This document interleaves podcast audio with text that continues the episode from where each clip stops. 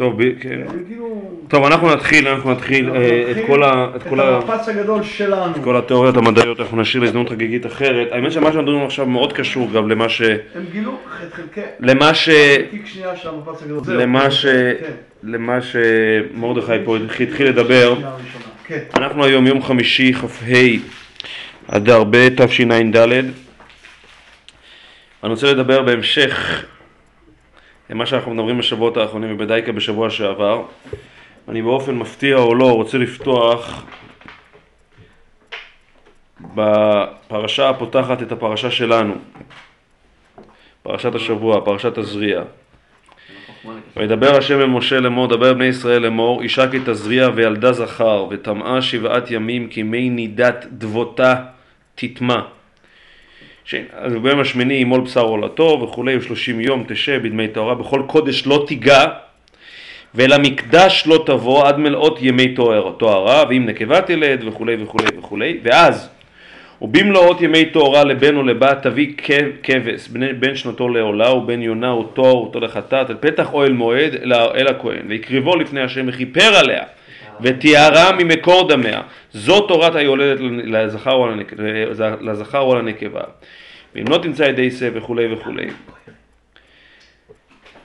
אז הסיום הוא שוב הסיום הוא ואם לא תמצא ידי שא ולקחה שתי תורים או שני בני יונה אחד לעולה ואחד לחטאת וכיפר וכיפר עליה הכהן וטהרה. כמובן, שה, כמובן שהשאלה, כמובן שהעניין פה הוא מאוד מאוד מאוד מאוד חידתי, נעלם ונסתר. כולה כל חטאה ופשעה של האישה הזאת שהיא ילדה זכר או נקבה. ועל זה היא צריכה לכפר, והכהן צריך לכפר עליה. זה כל חטאה ופשעה. על החטא, וה-200 אחוז נקבה בזמן. באריכות. היא הייתה, היא הייתה בסמינר, ושם הרביצו בתורה, שהיא צריכה להביא כמה שיותר אה, ילדים לעולם. ואז כשהיא מתחילה להביא את הילדים, אומרים לה, תקשיבי, הבאת ילד? בבקשה, קורבן חטאת. הבאת אה, זה, קיצור, זה דבר תמוה מאוד. רשמי זה ויש פשט כאן- לכאורה. רשמי זה לא. פשט, לא? רשמי זה לא נקרא פשט? לא יודע. לא יודע, בעיניך זה פשט. זה לא נקרא פשט? אני שואל. מה האישה שלי אמרה לי שהיא מבינה אותו.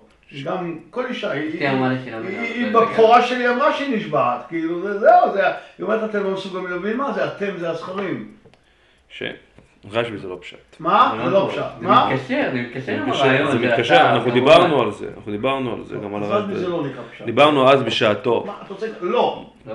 דיברנו אז בשעתו על רשב"י, רגע, דיברנו אז בשעתו על קללת האישה, אם אתה זוכר. שרש את הדברים, חמש מהם, זה בוודאי שאני זוכר. כן, נכון, דברים, שם, גמור, שם, שם דיברנו על רשב"י, אבל בוודאי שהוא לא פשט, מהמם.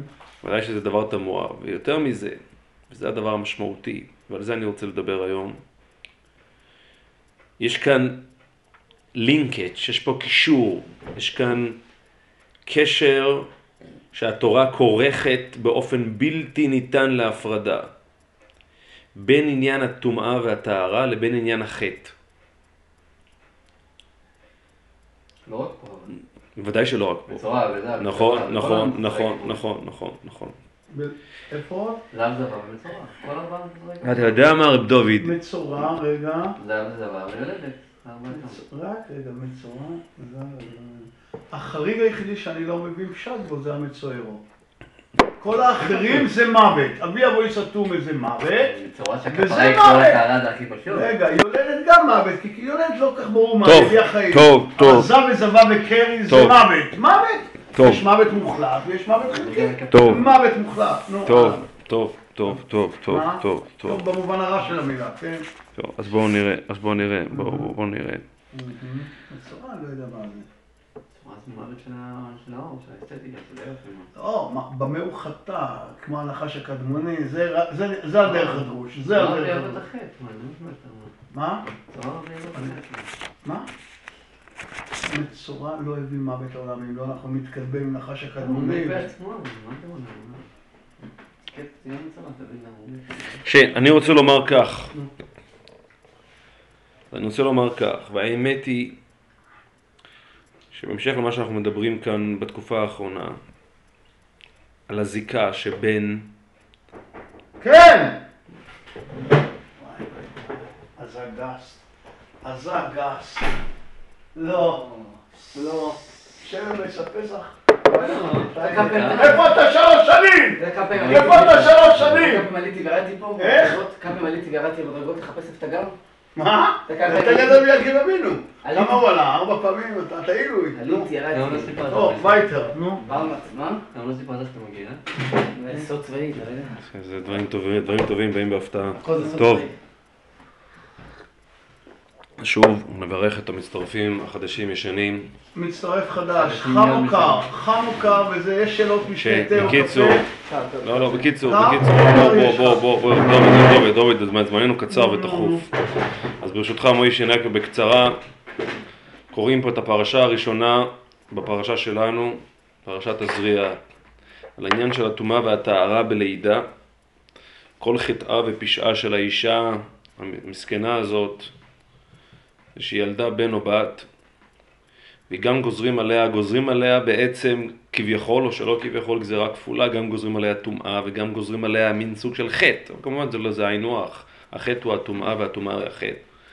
על מה, על מה בדיוק היא צריכה לכפר, ומה עניין הכפרה לעניין הטומאה והטהרה. אז האמת שמה שאנחנו מדברים כאן בשבועות האחרונים, בהמשך למה שאנחנו מדברים כאן בשבועות האחרונים, ואני היום רוצה לחדד שבעתיים את העניין הזה, שבעצם עניין המקדש, אם אנחנו רוצים להבין היטב את מהות המקדש, דיברנו על כך שעינינו צריכים, צריכות להיות נשואות ליום הכיפורים. ביום הכיפורים שם המקדש, שם בעצם מכפרים על המקדש, מכפרים על עצם מושג המקדש. ביום הכיפורים בעצם מתגלה מה שנקרא כי ביום הזה יכפר עליכם לטהר אתכם מכל חטאותיכם לפני השם תטהרו. המושג שנקרא לפני השם תטהרו זה בעצם מושג המקדש. אז אני אומר בקצרה, מה שאנחנו בעצם מדברים כאן בתקופה האחרונה זה שבעצם במציאות של האדם במציאות של האדם הפוסט גירושית ישנה הפרדה מובנית בין החיים והחיבור אל החיים לבין עולם הבחירה שלו. כהמשך לדברי פפוס בן יהודה, סליחה, כדברי, כהמשך לדברי רבי עקיבא, שהקדוש ברוך הוא מעיד על האדם, אני נתתי לו את החיים ואת המוות והוא בחר לו דרך אחרת או דרך המוות. דהיינו, יש כביכול, כן, לא משנה אם אנחנו נגרוס דרך המוות או שנגרוס דרך אחרת, דרך שלישית, אלטרנטיבית. שיש אפשרות לאדם כביכול לחיות באופן, יש, לה, יש לגיטימציה. ישנה, זה לא רק לגיטימציה, יש אפשרות אונתולוגית, הווייתית, להוויה שהיא מנותקת בעצם משורש החיים. אבל זה לא רק שיש אפשרות. האדם חי באופן, בחר לו דרך אחרת, הכוונה קטגורית. האדם חי באופן, בצורה שהוא מנותק ממה שנקרא עץ החיים. והוא חי בעצם באופן שהם חיים שאינם בעצם מעוגנים בבסיס החיים, בנקודת ההשקה, בנקודת הנביאה הראשיתית, הגולמית, ההיולית של החיים. ההיוליות של החיים מנותקת מן האדם. והבחירה שלו בטוב הרע היא בעצם זו שמנווטת אותו, מנתבת אותו. ועל פי הישק דבר. הוא בחר לו דרך אחרת. ממנו אין האדם היה כאחד ממנו לדעת טוב ורע. כך גורס רבי עקיבא, כך לומד רבי עקיבא, ממנו לדעת טוב ורע, הוא מקור הווייתו. ולא עץ החיים, וממילא זה, זה כמובן ביאור המשך דברי הכתוב. ועתה פן ישלח ידו ולקח גם מעץ החיים וחי לעולם. זאת אומרת, הוא לא יכול להיות מחובר אל ההוויה, אל הנקודת, ה, נקודת ההשקה של ההוויה. הנקודה הראשיתית של ההוויה, את מה שנקרא עץ החיים. במצב הזה בעצם של האדם,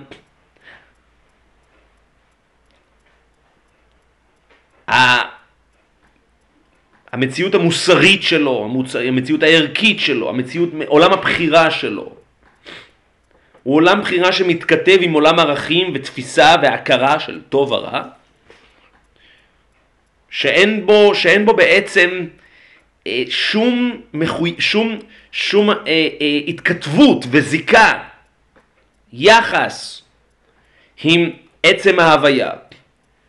וההוויה היא היא אדישה אל, אל עולם הבחירה שלו, אל העולם הקוגנטיבי שלו, יותר נכון האפיסטמולוגיה, ההכרתי שלו. אבל ישנה, ישנו כביכול מימד אחד, מצ... מקום אחד, שבעצם שהאדם מצטרף אליו, שבו בעצם במקום ההוא הטוב והרע נושקים אל מה שנקרא חיים ומוות. מעוגנים, בטוב, מעוגנים בחיים והמוות. זאת בעצם, המקום ההוא זה בעצם המקום שבעצם האדם מצרף את עצמו באופן שהוא מבטל את עולמו האישי, את עולמו האוטונומי. ההולדה. רגע, לא, לא. לא? המקדש. את עולמו האוטונומי, את מציאותו האוטונומית. הוא הופך להיות הטרונומי באופן כזה שבחירתו, שהטוב והרע בעצם אין להם מציאות עצמית. הם מציאות, הם נגזרות מן החיים והמוות. וזה בעצם, דיברנו על כך בארוכה, כל, כל, כל צורת ההזדככות וההתארות של יום הכיפורים. לכפר עליכם, לטהר אתכם. ופה אנחנו מגיעים בעצם למה שנקרא טומאה וטהרה. האדם במציאות הפוסט גירושית שלו באופן קטגורי הוא יצור טמא. דהיינו, הוא יצור בעצם שהמוות אוקיי, איזה מקום זה אמרתם? במציאות הפוסט גירושית, בעולם, במציאות אבל שלו, איפה המקום שלו? בעולם שלו, במציאות שלו, זאת מציאות של טומאה. במציאות שלו האדם חי בעולם של טומאה. והוא חי בעולם של טומאה, ובנקודה הזאת אני ארחיב את הדיבור היום, בעזרת השם. הוא חי בעולם של טומאה באשר באשר המציאות שלו איננה, לא, זאת אומרת, לא רק שהיא איננה מעוגנת בשורש ההוויה, אלא שמכלל לאו אתה שומע הן, וההן הוא שבמקום עץ החיים יש את עץ המוות, ואימת המוות, ומות, ותודעת המוות, תודעת המוות, שהיא באה לידי ביטוי גם באימת המוות, האימה של המוות, אימת הסופיות, תודעת הסופיות, וממילא אימת הסופיות. מעוגנת, קשור ב... אם, אם אני, מותר לי לחזור, אז אה, לרעיון הטרמודינמי. אני, אני אמרתי שזה קשור, אני, אני אמרתי, אני הזהרתי אותך מראש, זה הולך להיות קשור למה שאתה דיברת. רעיון טרמודינמי, זאת אומרת... נכון, נכון, נכון, רק דקה, דקה. ש- שיקה של הצורה. נכון, נכון, רק דקה, דקה, דקה, זה, אני מסכים איתך, אני מסכים איתך שזה קשור מאוד למה שהתחלת לדבר. אימת המוות מרחפת מעל הווייתו, ודיברנו על כך בשבוע שעבר. והסופיות הזו היא סופיות שאדם לא יכול לברוח ממנה, ובסופו של דבר היא באה כגזירה בלתי נמנעת, גזירה דטרמיניסטית בלתי נמנעת, על, על, על הווייתו ועל פעולותיו ועל בחירותיו, והסופיות שולטת בחול. וממנה הוא לא יכול לברוח. מה שבעצם הופך את החיים שלו, הופך את המציאות שלו, למציאות של טומאה. למציאות של טומאה. טומאה היא בעצם עניינה, טומאה עניינה הסופיות? זיקה אל הסופיות, זיקה בלתי אמצעית אל הסופיות. בדיוק.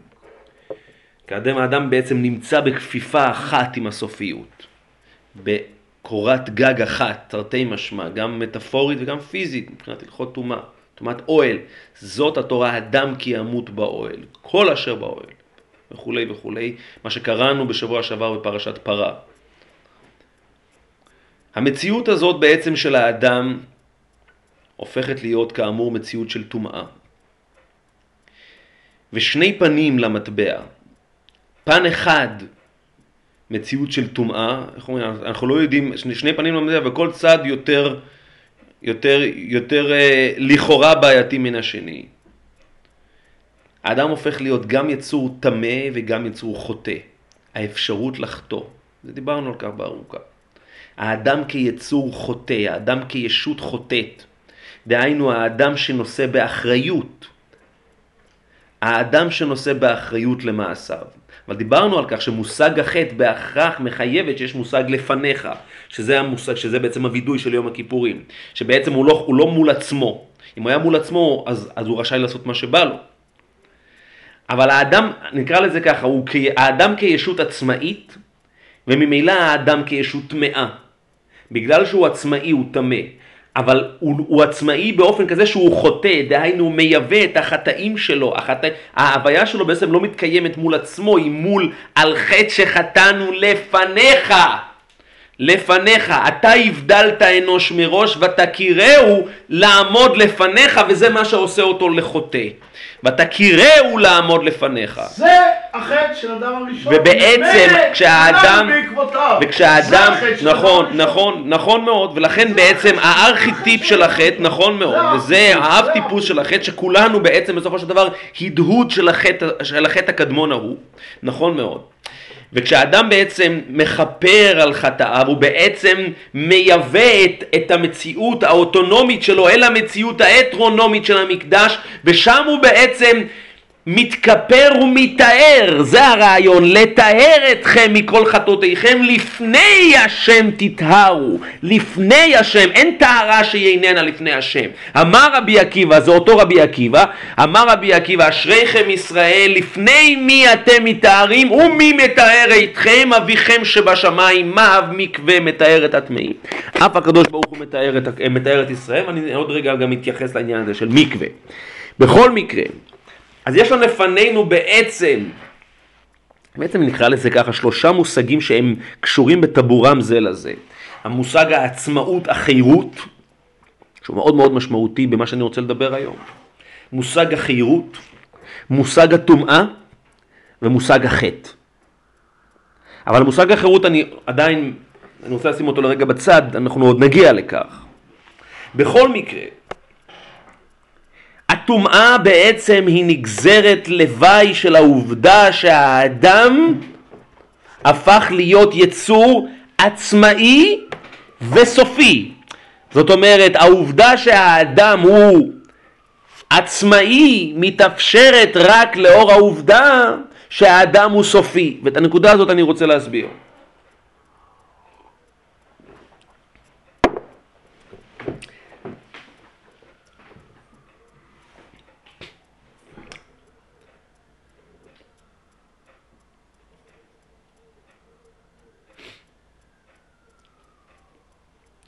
ישנו דבר מרתק אגב, מה שהזכירו את זה פה, שמושג הטומאה, טומאה כמעט, חוץ מאשר טומאת שרצים, שגם היא קשורה לזה איכשהו, כל הטומאה, רבי ינקב, כל הטומאה בתורה, דבר מדהים ומרתק מאין כמותו, בא לידי ביטוי בשני הקשרים, שתי תופעות, אפשר נקרא לזה ככה, שמאוד מאוד דומיננטיים בחיי האדם, ושם הטומאה באה לידי ביטוי, מושג הטומאה. הלידה והמוות. הלידה והמוות.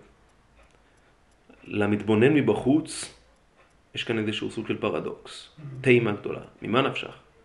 אם הלידה, אם הלידה גורמת למוות?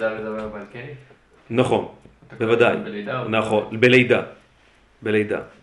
זב ובעל קרי שייך לעולם מלין. האמת שאתה צודק, זה אה, סוג, זה סוג של? מוות, נכון, נכון. נכון, גם גם נידה זה סוג של מוות, הרמב"ם נכון. מי- מי בחיים לא יקרא לזה אה, מוות? לא, לא, אני- האמת היא כזו, סליחה, סליחה, סליחה, סליחה, סליחה, סליחה, סליחה, סליחה, סליחה, סליחה, סליחה, סליחה? סליחה, סליחה, סליחה, סליחה, סליחה. זב ובלקרי נכנס תחת קטגורית של מוות, נידה תחת לידה דווקא, אפרופו כאן, לכאורה זה גם? מוות. כי רגע, לכאורה זה מוות פעם בחודש, נכון? לכאורה. זה מה, אוקיי, האמת ש- האמת רגע, שנידה נמצאת בדיוק על קו התפר שבין מוות לבין לידה. למה היא- על קו התפר? כי היא לא מתארת? הטהרה היא, הטהרה היא, זאת אומרת, היא מתארת בשביל הלידה, זאת אומרת, היא מתארת בשביל הביוץ. מה קרה? לא, לא, מה קרה? לא, לא, זה לא משנה. רגע, זה לא הולך במה קרה? רגע, רגע, רגע. טוב, רק דקה, נכון, רק דקה, דקה, שנייה. על פניו זה מוות. על אוקיי. פניו. על פניו. שנייה. האמת, נכון. שזה, שזה כמעט היינו עכשיו. הך, כמעט שזה, רק דקה. אישה כי תזריע וילדה זכר וטמאה שבעת ימים כי מי נידת דבותה תטמע. זה- בעצם המפתח להבנת העניין. מהמם. בכל מקרה, הטומאה מתכתבת, הטומאה באה לידי ביטוי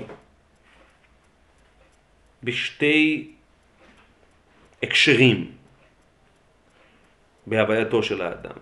המוות בצורות שונות, בצורות. שונות, באופנים שונים ומשונים, בדרגות שונות.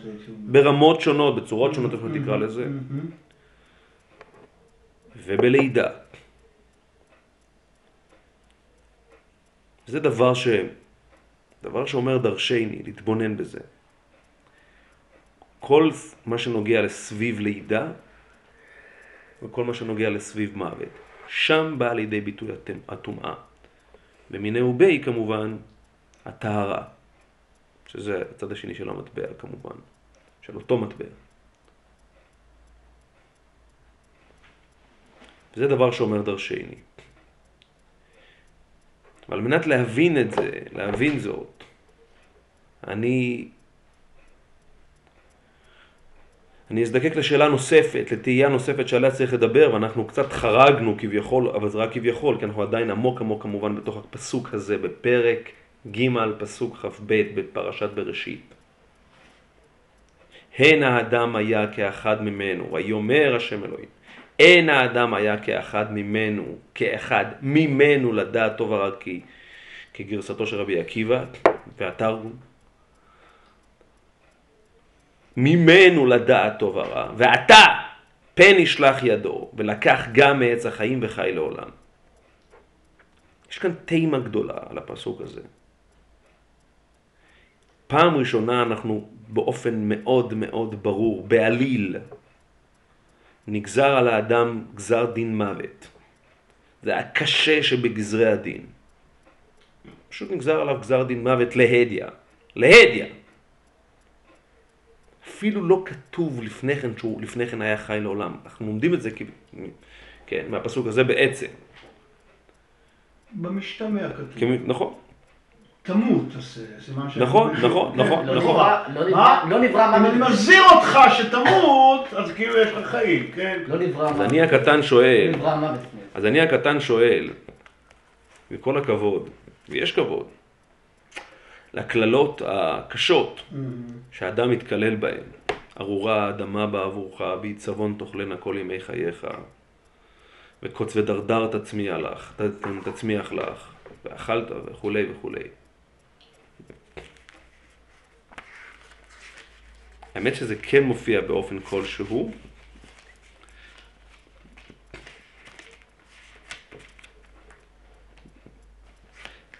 זה מופיע, זה לא מופיע להדיא. בזיעת אפיך תאכל לחם, עד שובך אל האדמה, כי ממנה לוקחת, כי עפר אתה ולעפר תשוב. קללת המוות לא מופיעה פה, כקללה בפני עצמה. חיים נהיים סוג חיים אחרים. יש פה קללה על החיים. היה מתבקש שהקללה בה"א הידיעה, שהאדם, הקללה הזאת, ועתה הפן ישלח ידו ולקח גם מעץ החיים וחי לעולם, יען כי עשית הדבר הזה, מות תמות. יען, בדיוק. והיום זה יען כי עשית את הדבר הזה. זאת, אין, אין, אין הרי לכאורה קללה קשה יותר. אין קללה קשה יותר. קללה מאשר המוות. ולא, ואין לזה זכר. יש לזה זכר קצת, עד שובך אל האדמה, אבל לא זה, ודיברנו על כך אז בשעתו. עד שובך אל האדמה, זיעת אפיך תאכל לחם עד שובך אל האדמה. כי ממנה לוקחת זאת, טוב דיברנו על כך בשעתו ואני לא אכנס לזה, אבל בצורה ישירה, ברורה. המוות לא מופיע וזה קללה נוראית הרי. זו קללה נוראית, זאת הקללה בידי שאפשר לחשוב עליה. זה נראה בפסוק שזה כאילו דבר מובן מאליו. כי אף אתה, כאילו, אולי קודם זה לא היה מובן מאליו, אבל היום זה מובן מאליו. בדיוק, זה נראה כדבר מובן מאליו. זה ממש לא, זה לכאורה זה לא מובן מאליו, ולראיה הפסוק שלפנינו. מסביר, כי הפרת אהבת השם, זה לא משהו ברור. אבל, אבל, אבל, אבל אני אומר, הפסוק שלפנינו בהחלט מוכיח מיני ובי, שזה ממש, כן קיים, לא, שזה לא לא. דבר, אבל אם זה דבר מובן מאליו, אז מה זה אין אדם כהיה, ואתה פן ישלח ידו וכולי וחי לעולם. זה נראה שזה ממה נפשך? בעקבות, בזיעת אפיך תאכל. נכון. אם בזיעת אפיך תאכל לחם, ממילא... טוב, טוב, אוקיי, אז, אנחנו לא נדבר עכשיו על בזיעת אפיך נאכל לחם, זה מי שירצה יקבל את ההקלטות, אבל זה הרי, זאת, זאת, זאת קללה, זאת, זאת הקללה שיכולה להיות. כל הכבוד, אנשים מוכנים, אנשים מוכנים לחיות בקוץ ודרדר ולאכול הרבה לחם בהרבה מאוד זיעה, בדם, יזע ודמעות, העיקר שלא למות. הם מוכנים לעשות הכל. אנשים מוכנים בשביל לשרוד לעשות הכל. לחיות בתנאים עוד יותר קשים מאשר בזיעת אפיך תאכל לחם. בזיעת אפיך תאכל קליפות של תפוחי אדמה. לחיות, אנשים רוצים לחיות, אדם רוצה לחיות. התשובה היא נעוצה בפסוק אחר, וירא את כל אשר עשה בפסוק ביום השישי.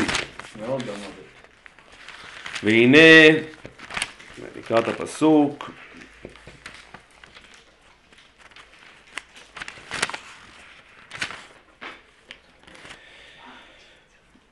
פרק א', פסוק ל"א, יכול להיות שיש כאן בנוכחים כאלה שעוד היו, וירא אלוהים את כל אשר עשה, והנה טוב מאוד, ויהי ערב, ויהי בוקר, יום השישי. וירא אלוהים את כל אשר עשה, והנה טוב מאוד, ויהי ערב, ויהי בוקר, יום השישי. אז אומרים חז"ל, מה זה, יום, מה זה, מה זה טוב מאוד, מה זה טוב ומה זה טוב מאוד, מאוד זה המוות. מאוד זה המוות. כיוון שזה כבר כשלמדנו את זה, זה באמת כבר עברו כמה שנים טובות. רק נאמר בקצרה, מה ההבדל בין טוב לבין טוב מאוד? טוב, טוב זה המצב, מה? זוכרים. כן, זוכרים פה. אבל אני, אני לא זוכר, אני צריך לרענן לעצמי את הזיכרון. טוב זה בעצם המצב הסטטי, המצב הקיים כרגע, טוב, כמות שהוא. מאוד זה המעבר. ואם בעצם נרצה, עוד לפני שאנחנו יורדים בסוד הדברים, המוות, תאמינו או לא, לא רק שזו לא קללה, זו ברכה גדולה מאוד. עכשיו, זו ברכה במציאות הנוכחית, נכון. ואני אקרא את הפסוק, את הפסוק שאנחנו לומדים, את הפסוק בפרק ג' פסוק כ"ב, בצורה שתישמע דרשני, אולי הקריאה היא דרשנית, אבל מבחינת הפרשנות, מבחינת ההיגד הרעיוני זה אמת לאמיתה. ויאמר השם אלוהים, הן האדם היה כאחד ממנו לדעת טוב ורע, ועתה פן ישלח ידו וחי לעולם, אז משתמע, אז פשטות, שכאילו הקדוש ברוך הוא חרד מהעובדה שהאדם יחיה לעולם, כי באמת תהיה לו עוצמה בלתי רגילה, שזה באמת פשוטו של מקרא בוודאי. מה שבעצם הקריאה הדרשנית שאני רוצה להציע, זה שהחשש פה זה לא רק על עוצמתו של האדם. או סליחה, החשש פה זה לא רק מעוצמתו של האדם, זה גם חשש על עוצמתו של האדם. כביכול אומר הקדוש ברוך הוא, איך אני מבטיח, איך אני מבטח את המציאות הזאת של האדם שממנו לדעת טוב ורע, רק באמצעות העובדה שוועתה פן ישלח ידו ולקח מעץ החיים וחי לעולם ואו אז כבר לא יהיה ממנו לדעת טוב ורע. זאת אומרת כל האפשרות של ממנו לדעת לא טוב ורע לא הבנתי. אז אני אסביר. כל האפשרות של ממנו לדעת טוב ורע אינה אלא נגזרת מן העובדה שהוא לא יכול לחיות לעולם. ברגע שהוא, יח... ברגע שהוא יחיה לעולם, הוא יאבד מינהו בי את הפריבילגיה הנדירה הזאת של ממנו לדעת טוב ורע. אם הוא יחיה לעולם, בהכרח אין לו את מה שנקרא דרך אחרת, או דרך המוות. אם הוא יחיה לעולם, הוא בעצם חוזר למתכונת הווייתית סטטית. הוא חוזר למתכונת הווייתית שאין בה אפשרות ללידה. הוא חוזר למתכונת-. לפני אחרי זה היה סבבה, אחרי אחרי זה... הוא חוזר רע, נכון? למתכונת הווייתית לפני אחרי זה כן היה כמובן, כמובן, או, אין. או, אוקיי. הוא חוזר למתכונת הווייתית שאין בה אפשרות ללידה, או במילה אחרת, אין בה אפשרות לחידוש. אין בעולם הזה חידוש. ואז הוא לא יודע טוב ורע? ואז אז בין, בין ה... הוא מכאן ומכאן. ידיעת הטוב הרע הופכת להיות חסרת משמעות. אין בידיעת הטוב הרע שלו שום משמעות. הוא לא יוצר יש מאין עם הידיעה הזאת. הוא הופך, מה זה? תרתי משמע, נכון מאוד. הוא קרח, נכון? המציאות הזאת של האדם, המציאות הזאת של האדם, שבה הסופיות, אני אומר זאת כך, דווקא לאור העובדה שהאדם זוכה כביכול למה שנקרא ממנו לדעת טוב ורע, היא זו שבעצם גם מזכה אותו בתודעת הסופיות. ותודעת הסופיות היא בעצם זו שמאפשרת לו, זו שמאפשרת לו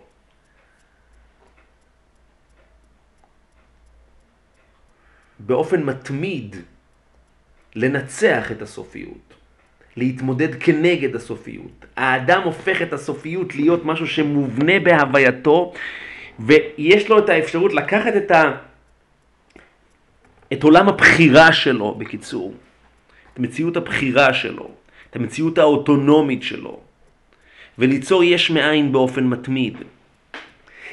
העובדה שהאדם הוא אדם טמא, טמא,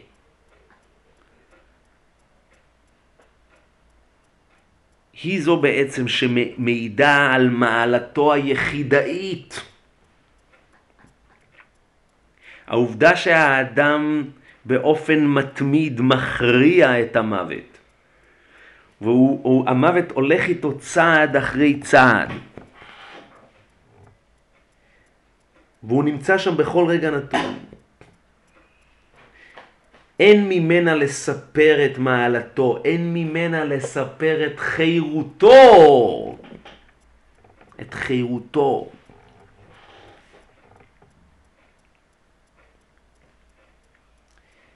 וזה זה מין סוג של טרגדיה, מכיוון שהמוות תמיד יהיה שם מצד אחד, וה...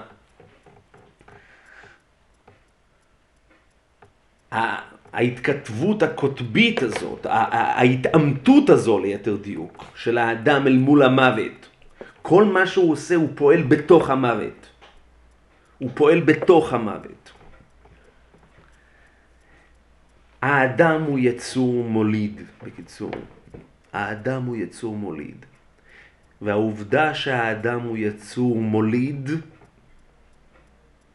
היא זו שהופכת אותו באופן בלתי נמנע להיות יצור טמא. וזה הסיפור של אישה כתזריע. זה הסיפור של פרשת השבוע שלנו, פרשת תזריע. סיפורו של האדם כישות מולידה. האדם כישות מולידה בהכרח הופכת אותו להיות, כמה שזה יישמע צורם, יצור חוטא. והעובדה שהאדם הוא יצור מוליד, הופכת אותו להיות ישות טמאה. והכריכה הזאת של המקדש נכנס בדיוק בתוך המשוואה הזאת, בתוך המשולש הזה. שם נכנס העניין של המקדש. המוליד זה תוצאה, העובדה שהאדם, אני אומר כך, אם הוא היה אם אם אין לו מוות אז הוא לא מוליד כי כי- כי- כי הוא מוחלט. עמוד שלם בעמוד אזור ד', סוגיה שלמה, אם זה היה או כן עליי, אם היינו מולידים או לא. אפרופו במסכת עבודה זרה, שלם. אוקיי. העובדה שטומאת מת שייכת אך ורק לבני ברית, מתי יקום אינם מטמאים, אין בכלל מושג של טומאת מת. אין דבר שמספר את המושג הזה של מה שנקרא אדם כי ימות באוהל, שמשם חז"ל כמובן לומדים את זה. אדם כי ימות באוהל, כל אשר באוהל. זה ה... זה הפרדיגמה הגדולה, הדוגמה המופתית הגדולה לסיפור מעלתו של האדם היחידאי. טומאת מת. המת עצמו הוא לא, הוא לא טמא, כמובן. טוב, האדם, בסדר.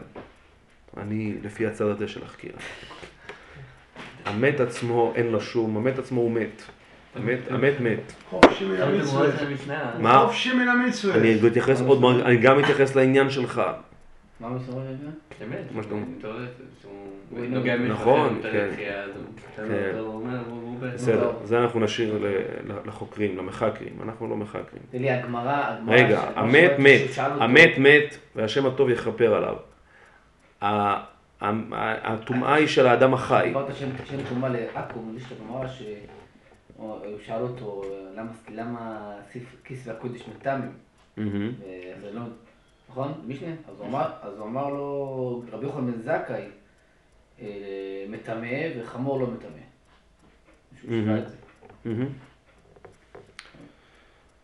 הסיפור הזה של תודעת המוות, תודעת המוות, זה סיפור של האדם היחידאי.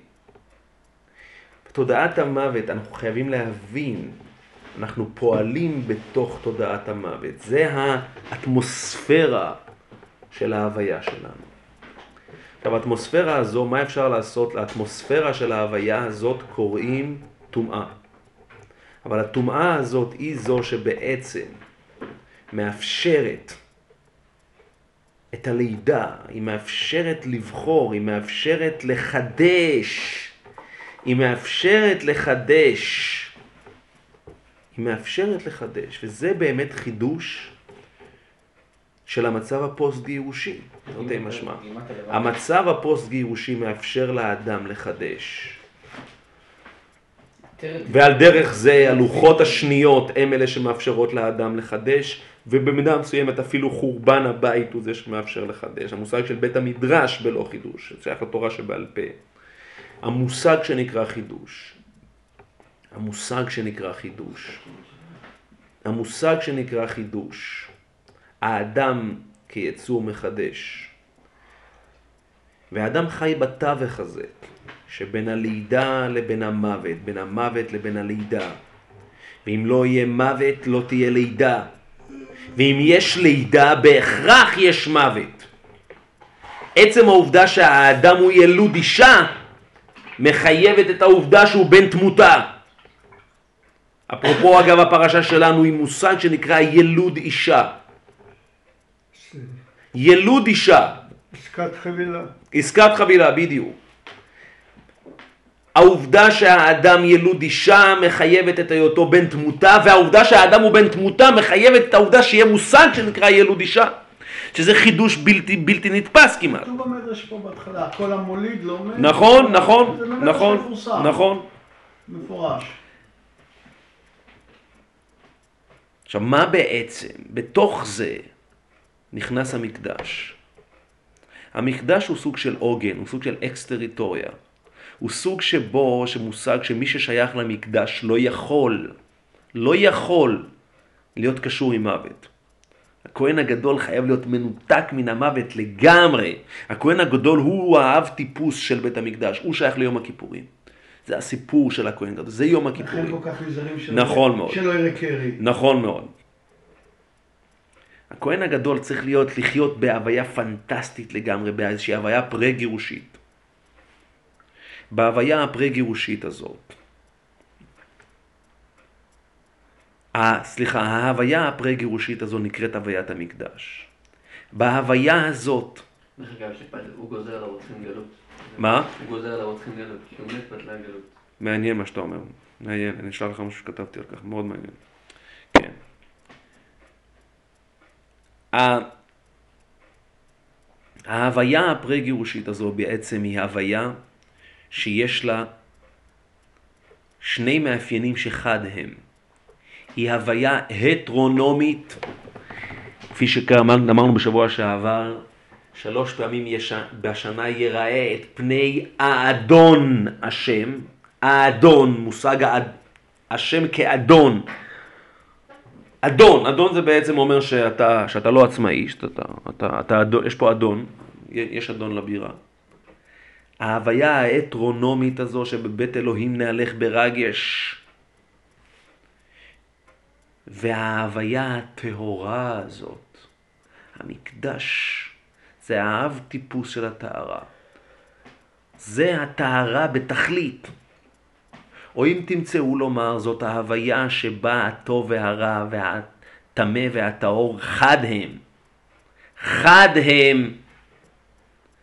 ולפני השם תטהרו, ובמצב הזה של האדם ביום הכיפורים הוא לגמרי מצטנף אל מה שנקרא ארון הברית, אל המקום שבו ה- ה- הפיזית והמטאפיזי הופכים להיות חד הם. אפשרות ההיות קשורה לאפש... ל... אל... אל הטוב והרע. בקיצור.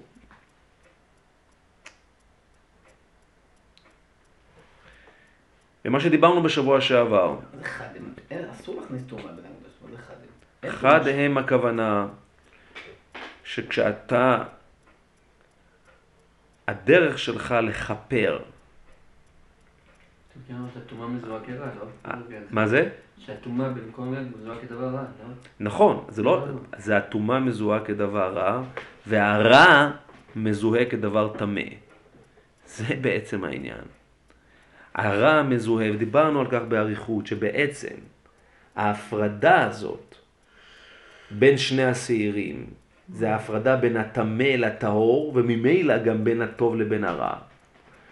המושג לפני השם תתארו, נשא השעיר שנושא את כל העוונות לעזאזל, ואז הטהרה מתרחשת לפני השם. השעיר שהולך לעזאזל הוא בעצם השעיר שבעצם הופך להיות חיצוני לגמרי אל ההוויה, הכי רחוק משורש ההוויה, ועליו כביכול מצטרפים כל החטאים. זאת אומרת, החטאים שבעצם מתקיימים מחוץ להוויה, מחוץ לה, להוויה ההיולית, להוויה הזאת של מה שנקרא לפני ולפנים, להוויה של האבן השתייה, של שורש ההוויה, של שורש עצם אפשרות ההיות, מצד אחד, ואז ההיטהרות מתרחשת לפני השם, ההיטהרות במובן הזה של ההתחברות מחדש אל ההוויה.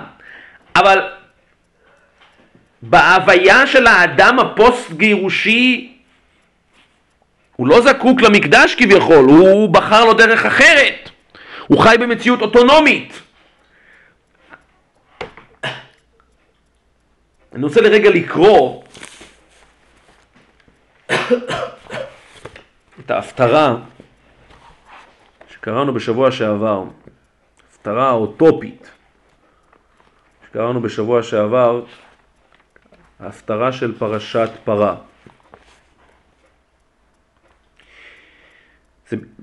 זה, ביחזקאל. ויהי דבר השם אליי לאמור, בן אדם בית ישראל, יוש... בן אדם, בית ישראל יושבים על אדמתם, ויטמאו אותה בדרכם ובעלילותם, כטומאת הנידה הייתה דרכם לפניי, כטומאת הנידה הייתה דרכם לפניי. וישפוך חמתי עליהם, על הדם אשר שפכו על הארץ, ובגילוליהם טימוה. ואפיץ אותם בגויים, ויזהרו בארצות כדרכם וכעלילותם שפטים. ויבואו אל הגויים אשר באו שם, ויחללו לשם קודשי, באמור להם עם השם אלה מארצו יצאו וכו'. ואז ואחמול על שם קודשי, אשר חיללו בית ישראל בגויים אשר באו שם, לכן אמור לבית ישראל, כה אמר השם אלוהים. לא למענכם אני עושה בית ישראל, כי אם לשם קודשי אשר חיללתם בגויים אשר באתם שמה. וקידשתי את שמי הגדול המחולל בגויים אשר חיללתם בתוכם, וידעו הגויים, כי אני השם נאום, השם אלוהים ביקדשי בכם לעיניכם. טוב, אז מכאן זה מתחיל להיות קצת יותר אופטימי, ולקחתי אתכם מן הגויים וקבצתי אתכם מכל הארצות והבאתי אתכם אל אדמתכם. ואו אז, וזרקתי עליכם מים טהורים ותיארתם מכל טומאותיכם ומכל גלוליכם אתאר אתכם. ונתתי לכם לב חדש, אתה שומע רב דוד? ורוח חדשה אתן בקרבכם, והסירותי את לב האבן מבשרכם, ונתתי לכם לב בשר. ואת רוחי אתן בקרבכם, ועשיתי את אשר בחוקי תלכו, משפטי תרשמותו ועשיתם, והשיבתם בארץ ונתתי לכם וכולי וכולי וכולי וכולי. והושעתי אתכם מכל טומאותיכם, וקראתי אל הדגן והרביתי אותו, ולא אתן עליכם רעב. וכולי וכולי וכולי וכולי. ונקוטטם בפניכם על עוונותיכם ועל תועבותיכם. לא למענכם אני עושה נאום השם אלוהים, יוודע לכם בושו ויקלמו מדרכיכם, דרכיכם בית ישראל. כה אמר השם אלוהים, ביום תארי אתכם, תארי אתכם מכל עוונותיכם, תארי אתכם מכל עוונותיכם. והושבתי את הערים ונבנו חרבות. והארץ הנשמה תאבד כאשר הייתה שממה לעיני כל עובר, ואמרו הארץ, ואמרו הארץ עלי זו הנשמה הייתה כגן עדן, והערים החרבות והנשמות והנהרסות בצורות ישבו. וידעו הגויים אשר, אשר יישארו סביבותיכם, כי אני השם בניתי הנהרסות, נתתי הנשמה, אני השם דיברתי ועשיתי וכולי וכולי. טוב. מה שכתוב פה, יש כאן תיאור נורא, נוקב, מטלטל, של המציאות כפי שהיא אמורה להיות כשהיא מסופחת אל המקדש. במציאות הזו שהיא מסופחת על המקדש, במידה והמציאות המסופחת על המקדש, המציאות הארץ ישראלית, כשהיא מסופחת אל המקדש, אז החטא הוא טומאה. החטא הוא טומאה. והחטא, החטא מתאפשר בזכות העובדה שהאדם הוא יצור חוטא, אדם הוא יצור עצמאי. בן אדם בית ישראל יושבים על אדמתם ויטמאו אותה בדרכם ובעלילותם כטומאת הנידה הייתה לפניי. טומאת הנידה זה חיבור, זה טומאת הנידה, נכון, מה? בעיקרון הם קוראים לזה מדבר, עקיבא מישהו אומר שמניין... כן, כן, כן, נכון, זה נכון, מניין זה, נכון. טומאת הנידה זה בעצם המציאות של האדם שמנותק משורש החיים. שמנותק משורש החיים. והנידה מתארת כאשר היא מגיעה לנקודת החיבור מחדש, ושם בעצם ההתארות, תהליך ההתארות, הוא תהליך שבעצם תובע מהאדם להתחבר מחדש, אבל הרעיון של מקווה הוא האופן, אם אפשר לומר ככה, כשאדם נמצא בתוך מקווה, אין לו שום מציאות עצמית, אין לו שום אפשרות קיום עצמי. מציאות של התבטלות, בקיצור, מקווה זה התבטלות. הוא נטמע וכש... בעין, הוא פוקע טומאתו באלף. נכון. כאשר, נכון, שאל את זה ככה, בסדר. המציאות של מקווה היא בעצם מציאות שהאדם מבטל את האוטונומיה שלו לחלוטין, להפך, הוא הולך לאיזושהי אפשרות שאין אפשרות להיות גם בצורה כל כך מבוטלת. ההתבטלות הזו היא התבטלות עד כדי אם אדם יהיה שם יותר מאשר דקה הוא ימות. הוא פשוט ימות. וההתאפסות המוחלטת, התאפסות מוחלטת, התאפסות שבעצם מאפשרת לו להגיע, להגיע לנקודה של לידה עצמית כביכול. וממילא, בקיצור, למקום של לידה. למקום של לידה. וזה בעצם הרעיון העמוק של מה מקווה מתאר את הטמאים, אף הקדוש ברוך הוא מתאר את ישראל. שזה בעצם המצב של האדם ביום הכיפורים, לפני השם תתארו. האדם לגמרי מתבטל בתוך המקום הזה שנקרא לפני ולפנים. אז במקום הזה, במצב הזה, במצב הארץ ישראלי, בעצם כל הסיפור מספר כאן, כהמשך למה שדיברנו בפרשת פרה, זאת ההפטרה של פרשת פרה.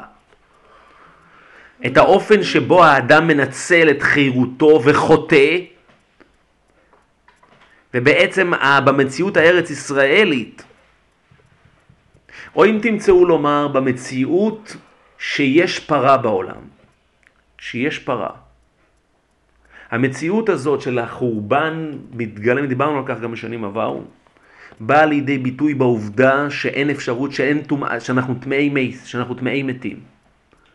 וזה בעצם מה שלא מאפשר לנו גישה אל המקדש, בעומק הדברים.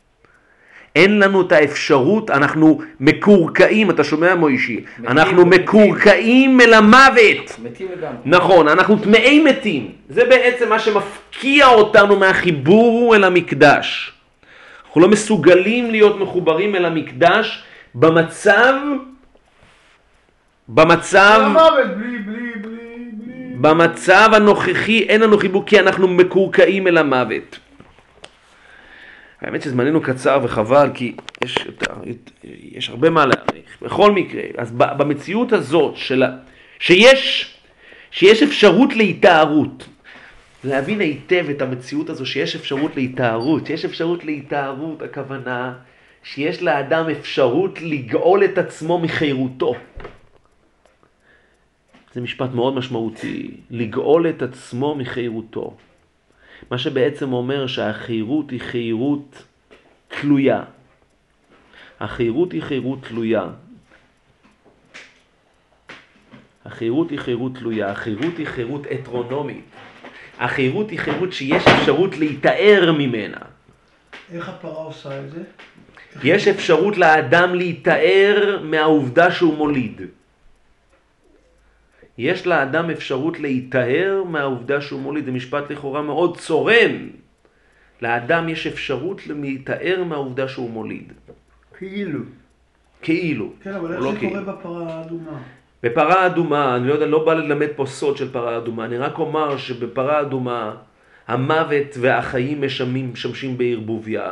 האפר עניינו מוות, ומים והמים חיים, ומים החיים, ומים- עניינם עניינם חיים, והאדם הוא בתווך. והאדם הוא בתווך. בלי עושה שלום, הוא ככה הקדוש ברוך הוא ברא. נכון מאוד. אני לא יודע, לא, לא שאני, לימדו אותי את סוד של פרה אדומה, אני רק יודע שהמוות והחיים משמשים שם. משמשים שם בערבוביה. ולהפך, ודיברנו על כך בשבוע שעבר, שהעובדה שאנחנו לא יודעים את פרה אדומה היא מכיוון שאנחנו מופ... אנחנו לא מסוגלים, אין לנו זיקה אל עצם החיים בעצם. העובדה ש... העובדה ש"ואתה פן ישלח ידו ולקח גם מעץ החיים" בעצם אומרת שאנחנו לא מסוגלים, אמר כי אחכמה והיא, רחוקה ממני. רק משה רבינו, לך אני מגלה, כי משה רבינו, אני אומר את זה בסוגריים, לא. הוא שייך למקום הזה שנקרא, למקום הזה שנקרא "ואתה פה עמוד עמדי". זה ש... אבל, אבל מה שדיברנו, על הפנים אל פנים, דיברנו על כך בשבוע שעבר. על כל פנים, לענייננו? לענייננו במצב הזה, במצב הזה של האדם, במציאות הזאת, במציאות הארץ ישראלית, במציאות הארץ ישראלית, אז כנגד ה... כנגד המצב של ויטמאו אותה בדרכם ובעלילותם, כטומאת הנידה הייתה דרכם לפניי, אז ההמשך הוא, וקידשתי את שמי הגדול המחולל בגויים אשר חיללתם בתוכם, וידעו הגויים כי אני השם נאום השם אלוהים בי, קדשי להשבחם לעיניכם. ועוז וכולי וכולי, וזרקתי עליכם מים טהורים, וטהרתם מכל טומאותיכם ומכל גילוליכם אטהר אתכם. ונתתי לכם לב חדש ורוח חדשה אתן בקרביכם. הפסוק הזה, ונתתי לכם לב חדש ורוח חדשה אתן, והסירותי את לב האבן מבשרכם. ונתתי לכם לב בשר, היינו, אתם תפסיקו להיות אדישים אל, הח... אדישים אל החיים. המצב הזה של האדם, שהוא אדיש לחיים, הוא אדיש לחיים. זה בעצם מצב של לב בשר, ל... לב אבן, סליחה. כנגד לב אבן יש לב בשר, לב בשר הכוונה לב חי, לב פועם. לב פועם הוא רגיש אל החיים, אנחנו הפכנו להיות אדישים אל החיים. הפכנו להיות טמאי מתים. ואת רוחי אתן בקרבכם, ועשיתי, ועשיתי את, את אשר בחוקיי תלכו, ומשפטי תשמרו ועשיתם. וכולי וכולי, והושעתי אתכם, האדם, הושעתי אתכם מכל טומאותיכם, וקראתי אל הדגן, ואו, זאת אומרת, החיים יהפכו להיות דומיננטיים בהווייתכם, בהווייתכם. וממילא והרביתי את פרי העץ, וכולי וכולי וכולי, ואשר לא תיקחו עוד חרפת רעב בגויים, וכולי וכולי, וההמשך הוא נכון, מוישי. ההמשך הוא, אבל לפני כן, ונקוטטם בפניכם על עוונותיכם ועל טובתיכם. האמת שאני חייב להגיד לכם, כל פסוק פה זאת פנינה לאור הקריאה הזאת. פנינה רבתי. כן, וההמשך הוא, והארץ הנשמה תאבד תחת אשר הייתה שממה לעיני כל עובר, ואמרו הארץ על הזהו, הנשמה הייתה כגן עדן, והערים החרבות והנשמות והנהרסות בצורות ישבו. זה המושג, זה, זה סוד של מה שנקרא גן עדן, כגן עדן מקדם. על כל פנים, אז אם אנחנו מבינים ש... שהטהרה בהכרח עניינה, מה שבהמשך, ואני חוזר לרגע למה שדיברנו בשבוע שעבר, על העובדה. התחלנו לדבר בשבוע שעבר על, ה... על האפילוג הזה, סליחה, על הפרולוג הזה. אני אקטע אותך. לפי ההסבר הזה זה מדלג על קופצת ונשבץ? על? על זה שהגמרא אומרת שהחטא זה שהיא קופצת ונשבעת. אמרנו, אם זה מיישב לך... לא, אני שואל אם אתה לא, כאילו, זה לא הולך עם זה. אתה לא כורך את זה, זה הגמרא הולך מלאך אחר. אוקיי, לא, לא, חשבתי שאתה יש לך... לא, לא, לא, קופצת ונשבעת, לא, לא, תנתק את זה מקופצת ונשבעת. לא, זה גם, זה מאוד קשה להגיש את זה. נכון, נכון, נכון.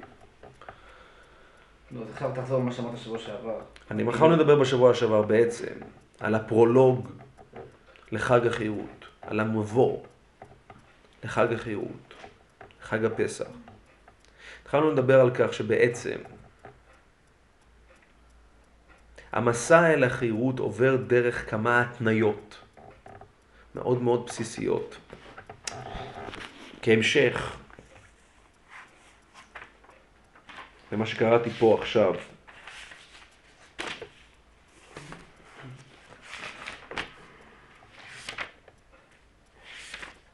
בנבואת יחזקאל. דיברנו בשבוע שעבר על כך שבעצם העובדה, אין דבר שמייצג את חגיגת החירות יותר מאשר קורבן הפסח, שהוא בעצם הסיפור של החירות.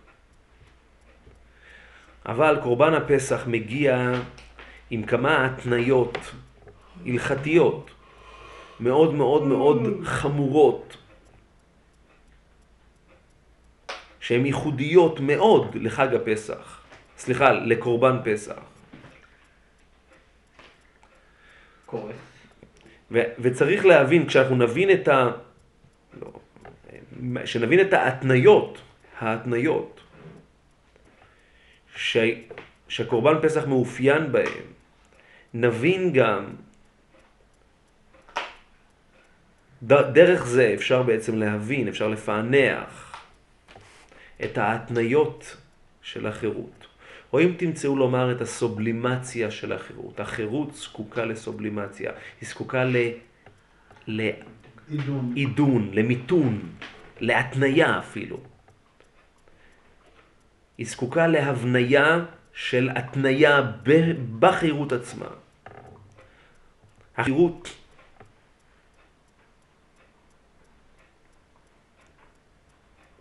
זקוקה לגאולה מן המוות. העובדה ש...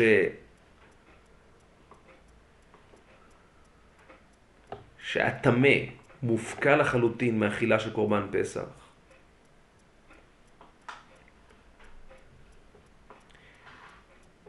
מעידה על כך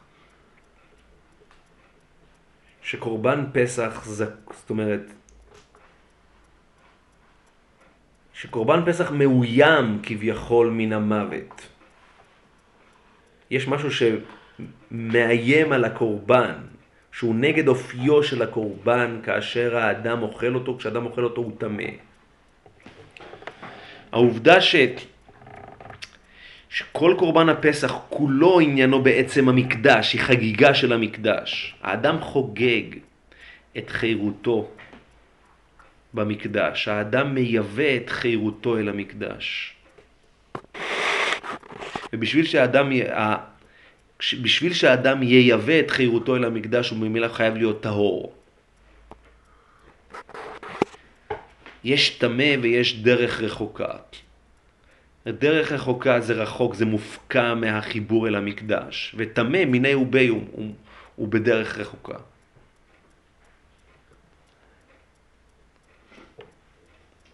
האדם מייבא את חירותו אל המקום שהוא אנטיתזה אל החירות.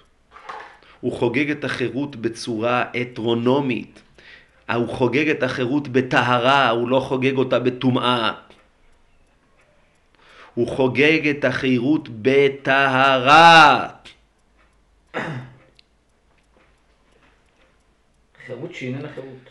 הוא חוגג את החירות באופן שבו כביכול הוא לא יכול להיות במצב של אישה כתזריע וילדה זכר, בקיצור. הוא חייב להיות טהור. הוא חייב להיות טהור מצד אחד. מצד שני, לא מצד שני, תנאי אחד. תנאי שני, הוא חייב להיות בן ברית. אני לא אתכנס לזה, אבל כל העניין הזה של כל הרי לא יאכל בו.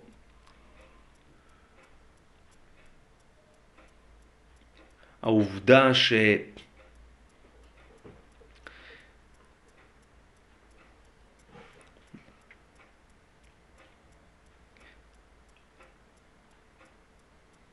האדם חותך בבשר החי של החירות שלו כשהוא עושה ברית, בקיצור. זו חירות זאת חירות מחויבת. חירות שאיננה חירות. כלשונו של לוינס, זו חירות קשה. האדם שהוא מחויב לברית. האדם שמחויב לברית זו חירות קשה. זו לא חירות חופשית. זאת חירות אחראית. זאת חירות שלא מאפשרת לאדם להתחפר בחטא. הערל הוא אדם ש... שמנצל את העובדה שהוא יכול להוליד בצורה חופשית. הוא לא מחויב אל הלידה. הוא לא בן ברית. זה דבר שמאיים על החירות המכוונת, האידיאלית. יש כמה דברים שמאיימים על החירות. המוות, דיברנו על כך בשבוע שעבר, הוא הכי מאיים על החירות. אין דבר שמאיים על החירות יותר מהמוות. בעל כורחך אתה חי ובעל כורחך אתה מת. אין דבר שיותר מאיים על החירות. אין דבר שהאדם מעולם יהיה בן החורין האופטימלי ביותר. שהצליח לנכריע ולנצח את המוות. אבל הוא גוף האחרות, המוות. האדם מצד, האדם מסמבלט את החירות שלו דרך הטהרה, הוא מתאר, הוא לא יכול להיות מת. זה הופכת להיות חירות תלותית. או אם תמצאו לומר כדברי רבי יהודה,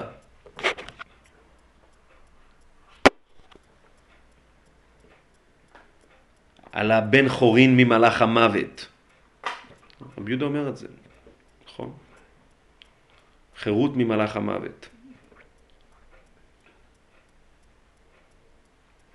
המצב הזה של האדם, של חירות ממלאך המוות, זה מצב שהוא אנטיתזה אל החירות. זה מצב שהאדם היה בו רק בלוחות ראשונות, לא בלוחות שניות. בלוחות ראשונות שהוא לגמרי מסתפח. ההסתפחות המוחלטת בלוחות ראשונות היא זו שבעצם לוקחת אותם למצב של אני אמרתי וכולי.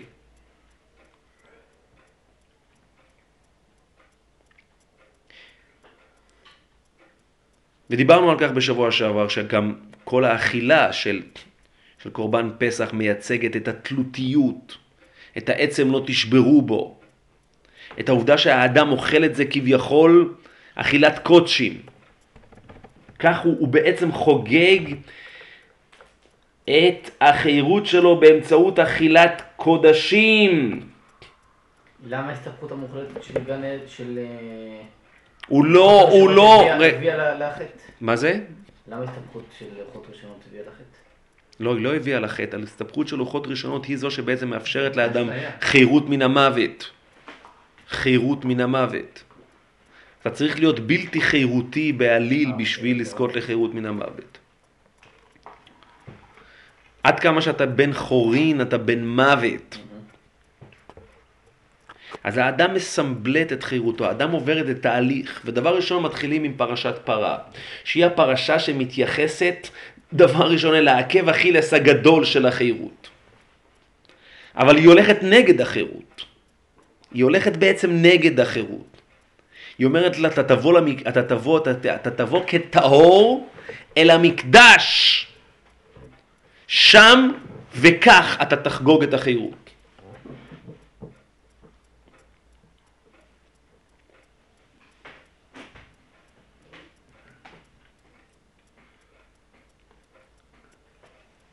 מכאן בעצם אנחנו מגיעים אל השלב הבא.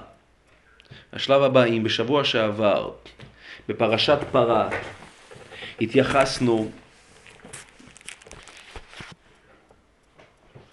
אל החלק הזה,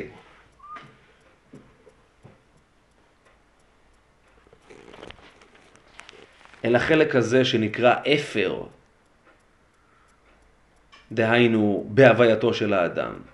אל תודעת המוות שמובנית בהווייתו החירותית של האדם, וממנה הוא צריך להיטהר. אז השבוע אנחנו כבר עולים קומה. השבוע אנחנו מתייחסים, אני אומר זאת כסוג של פרפרזה, השבוע אנחנו כבר בפרשת תזריע. השבוע אנחנו כבר בפרשה של הלידה. של החידוש, של ביום השמיני ימול בשר עורלתו, שכל הרי לא יאכל בו, נכון. כל מי שימות מאה, נימול לשמונה. השבוע אנחנו בפרשת החודש. השבוע אנחנו באדם מתייחסים לצד החיובי, אם תמצא לומר, של העובדה שהאדם הוא יצור טמא. שהעובדה שהאדם הוא יצור חוטא. האדם כיצור מחדש. מושג החידוש איננו מתאפשר רק בזכות העובדה, רק בזכות העובדה של ואתה פן ישלח ידו וחי לעולם. יכול להגיד את זה גם שהחודש, זה, החידוש כאן זה לא רק אה, התחלה, אלא זה שעם ישראל קיבל זמן משלו. העובדה- זאת אומרת- נוצר כאן בעצם את ה- התהליך של הזמן. העובדה- אחרת אין זמן בכלל. העובדה נכון מאוד. אין זמן. העובדה שיש לאדם תודעת זמן, שזה בעצם העניין של קידוש החודש. קידוש החודש עניינו תודעת הזמן. תודעת הזמן. ההבדל בין, ההבדל בין מניין הלבנה לבין מניין החמה, זה תודעת הזמן, זה הכל. תודעת החמה אין בה שום דבר עם התודעה, היא לא מתכתבת עם התודעה, היא לא זקוקה לתודעה. האדם תופס את הזמן, האדם מעיד על הזמן, האדם נותן עדות על הזמן. האדם נותן עדות על הזמן קובע, וקובע קובע. את הזמן. האדם קובע את קובע הזמן, את הזמן. יפה דרשת. האדם קובע את הזמן, ישראל מקד שלהו לזמן. האדם שולט על הווייתו, האדם שולט על הווייתו, תודעת הזמן היא היא תודעת החידוש. וזאת הבשורה הגדולה של החירות, זאת הבשורה הגדולה של החירות, וכך, כך בעצם, כך בעצם, כך בעצם, לא שומע. אם אין מוות, אין זמן. כך בעצם, כך בעצם, הפסו, כך בעצם פותחת פרשת החירות, נפתחת פרשת החירות, או אם תמצאו לומר, נפתחת פרשת קורבן הפסח, שזה בעצם הפרשה שאנחנו נקרא השבוע. זה פרשת החודש, זה פרשה של קורבן, זה הפרשה של קורבן פסח. האדם בעצם לוקח את ההוויה, שהיא ההוויה ה... האדם מטמיע דווקא במקום שבו האדם עשוי מאוד להיאבד בתוך הזמן, שזה בעצם המצב של האביב. במצב של האביב האדם בעצם הופך להיות, הוא, הוא, הוא מסתפג בתוך ההוויה הסובבת אותו, היא מאוד מקבלת את האדם, ההוויה הופכת להיות מאוד סימפטית, או... סוג של הייתי קורא לזה גן עדן, תחושת גן עדן. היא מאוד מכילה את האדם, האדם מאוד נוח לו להסתפח, להיות, להיטמע, להיטמע, נכון. שם בנקודה הזאת האדם מטמיע את תודעת הזמן שלו, הוא מעבר את השנה, דווקא שם הוא מקדש את החודש. שם הוא יוצר את ההשקה בין ליקום. בין הזמן הדטרמיניסטי, מה שנקרא מניין החמה, מניין החמה, הזמן הדטרמיניסטי לזמן החירותי, שזה בעצם מניין הלבנה. הזמן החירותי לעומת הזמן הדטרמיניסטי. אז וידבר השם אל משה ואל אהרון בארץ מצרים לאמור, החודש הזה לכם ראש, לכם ראש חודשים. ראשון הוא לכם, ראשון הוא לכם, זה שלכם, לחודשי השנה. דברו אל כל עדת ישראל לאמור בעשור לחודש הזה, וזהו, מיד עוברים לדבר על קורבן פסח. ויקחו להם איש שא לבית אבות שא לבית.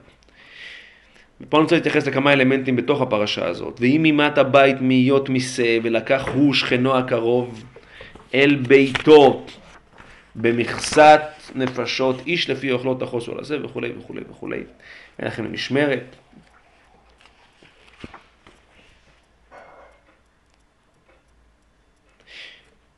וכאן יש דבר מרתק.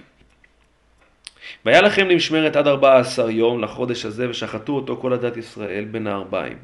ולקחו לקחו מן הדם, ונתנו על שני שתי המזוזות ועל המשקוף על הבתים אשר יאכלו אותו בהם. אז צריך לשים את הדם, ואז ואכלו את הבשר בלילה הזה, חוגגים את החירות. ואז אל תאכלו ממנו נע, ובשל מבושל במים, כי אם צלי אש ראשו על קרעיו ועל קרבו, ולא תותירו ממנו על בוקר. כל מיני התניות באמת, שוב מוישי, שמאוד מאוד מתנות ומגבילות את, ה, את. את האכילה החירותית החופשית, הספונטנית, לגמרי. ויתרה מכך, וככה תאכלו אותו, בוטניכם חגורים, נעליכם ברגליכם ומקליכם בידכם, ואכלתם אותו בחיפזון, פסח הוא להשם. זה ממש לא אכילה ספונטנית חירותית. אבל אני רוצה להגיע לחלק היותר משמעותי.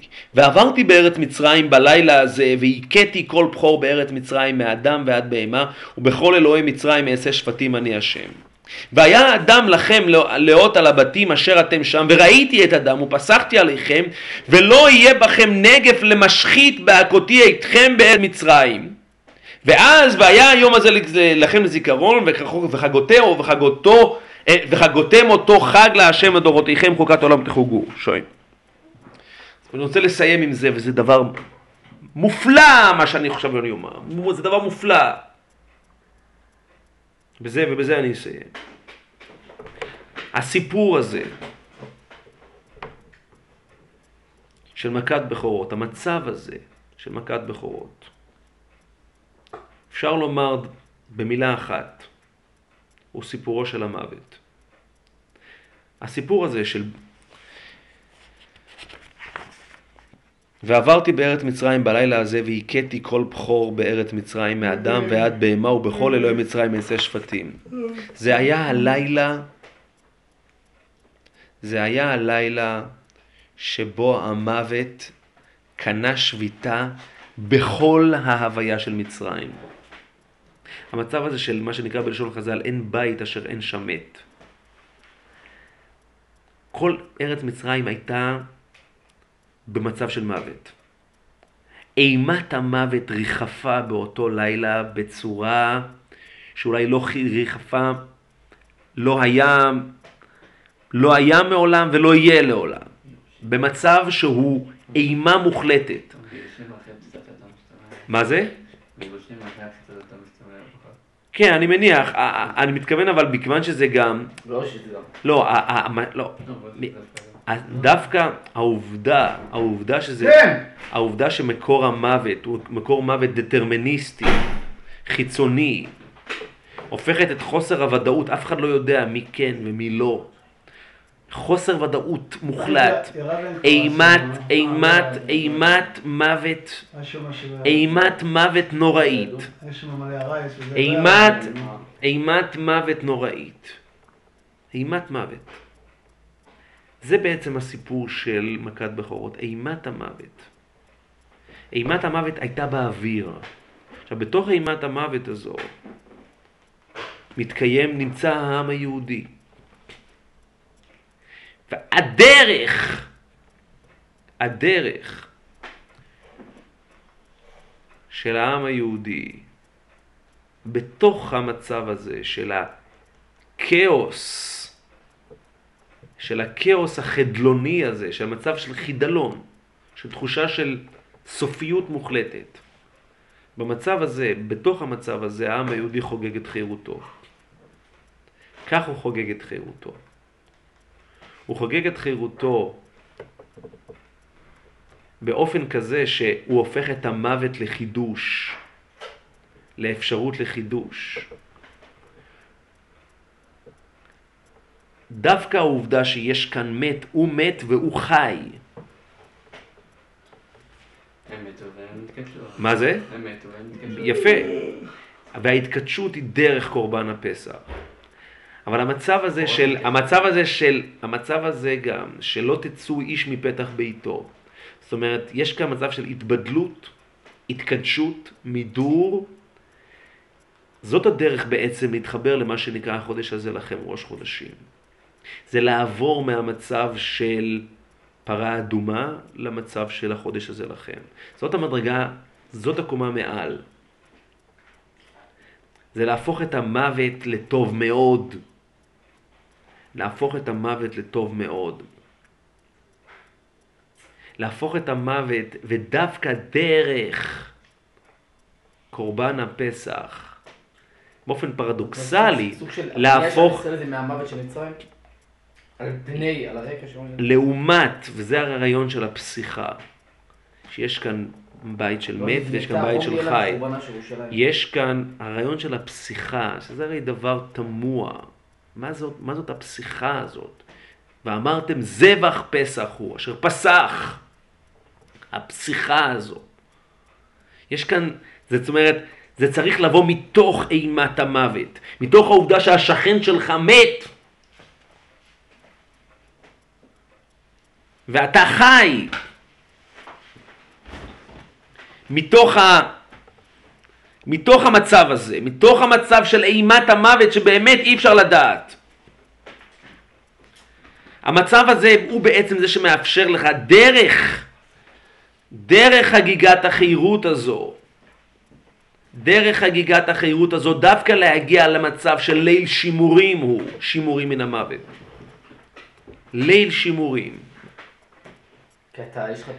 זה הרי דבר פרדוקסלי ליל שימורים, זה הרי דבר פרדוקסלי ליל שימורים, ליל שימורים הוא לדורותיכם. אם אתה במצב של חירות, אתה צריך להיות במצב של אימה. החירות גוזרת אימה. הגיר- הג- הג- החירות של האדם הפוסט-גירושי, החירות של האדם המודרני גוזרת עליו את אימת המוות. אבל הדרך כאן של חגיגת החירות המסוימת הזאת, זה מה שחשוב לומר, היא חגיגת חירות של טהרה, היא חגיגת חירות של והושעתי אתכם, והושעתי אתכם מכל טומאותיכם. והושעתי אתכם מכל טומאותיכם וקראתי אל הדגן וכולי וכולי. המצב הזה שהאדם עובר למצב של, של גאולה, שהאדם עובר אל המצב שנתתי לכם לב חדש, חדש, זה החודש הזה לכם. האדם עובר ממצב של מוות למצב של אישה כי תזריע וילדה זכר. והאדם נמצא בתווך, והוא לעולם נמצא בתווך. הוא לעולם נמצא בתווך שבין החירות הנגועה והטמאה שלו לבין החירות התלותית והמזדככת שלו. וכשהאדם בעצם אוחז במוות, מצידו השני הוא בעצם אוחז במה שנקרא החודש הזה לכם ראש חודשים. אז שוב, הוא לא יכול להגיע אל החידוש אם הוא לא יתאר קודם. האישה לא יכולה להגיע למצב של אישה כי תזריע וילדה זכר בצורה נכונה אם היא לא התארה קודם. היא נתארת ואז היא מחדשת, ואז שוב היא טמאה, וחוזר חלילה. וזה מעגל אינסופי. בשביל להגיע למצב של לידה, היא חובה סוג של מוות, טומאת הנידה.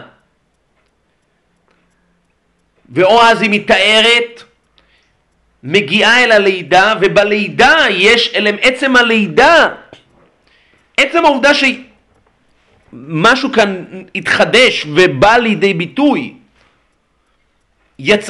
יש, כאן, יש כאן מוטיב מובנה של, מובנה של מוות.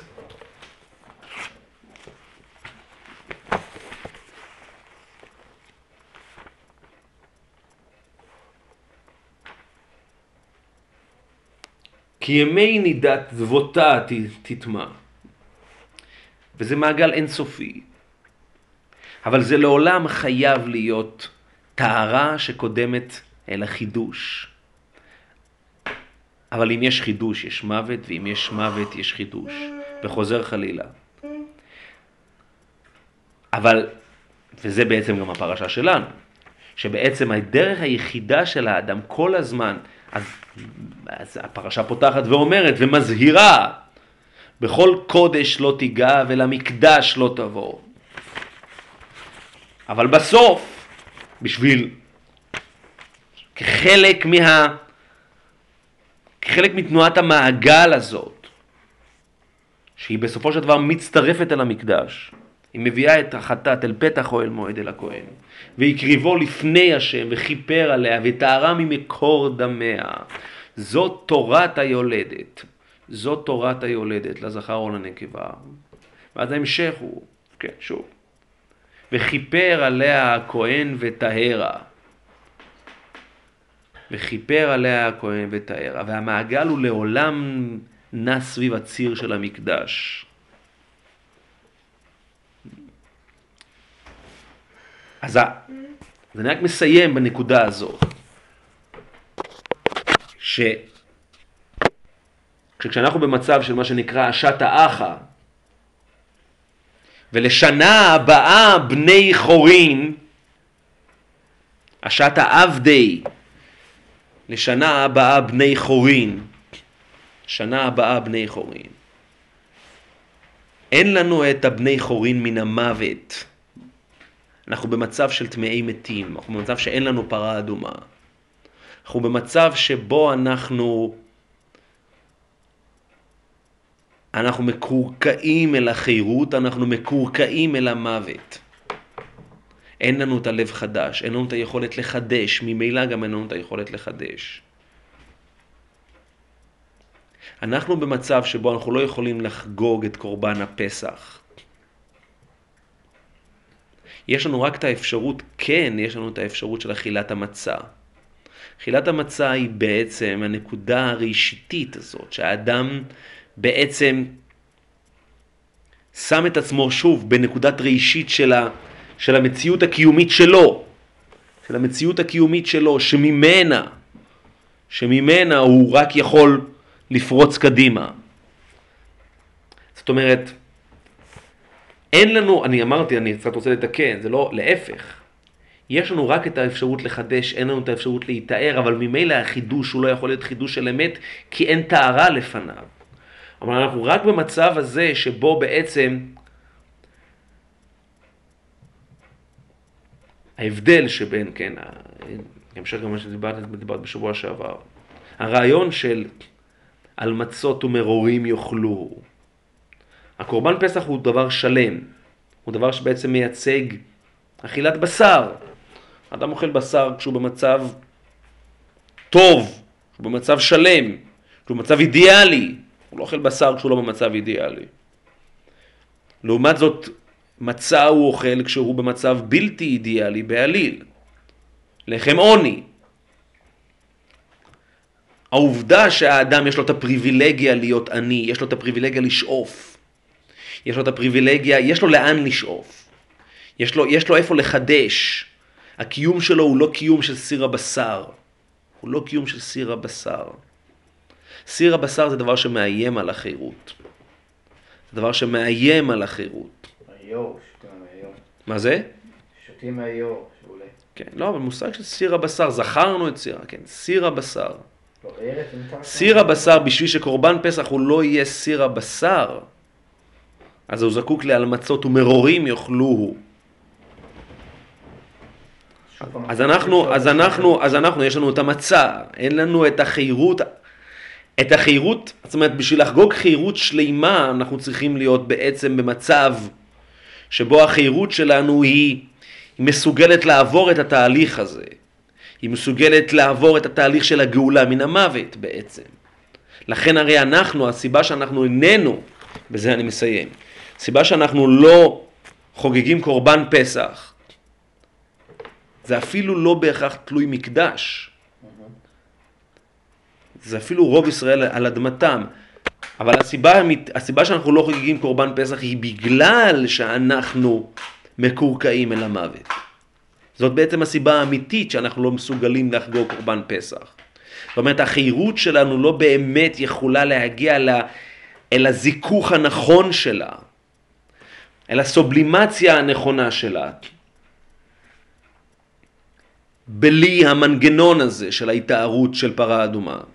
על כל פנים, שנזכה באמת להגיע ממצב של טהרה למצב של התחדשות, ומשם לחגיגת החירות המכוונת והאידיאלית.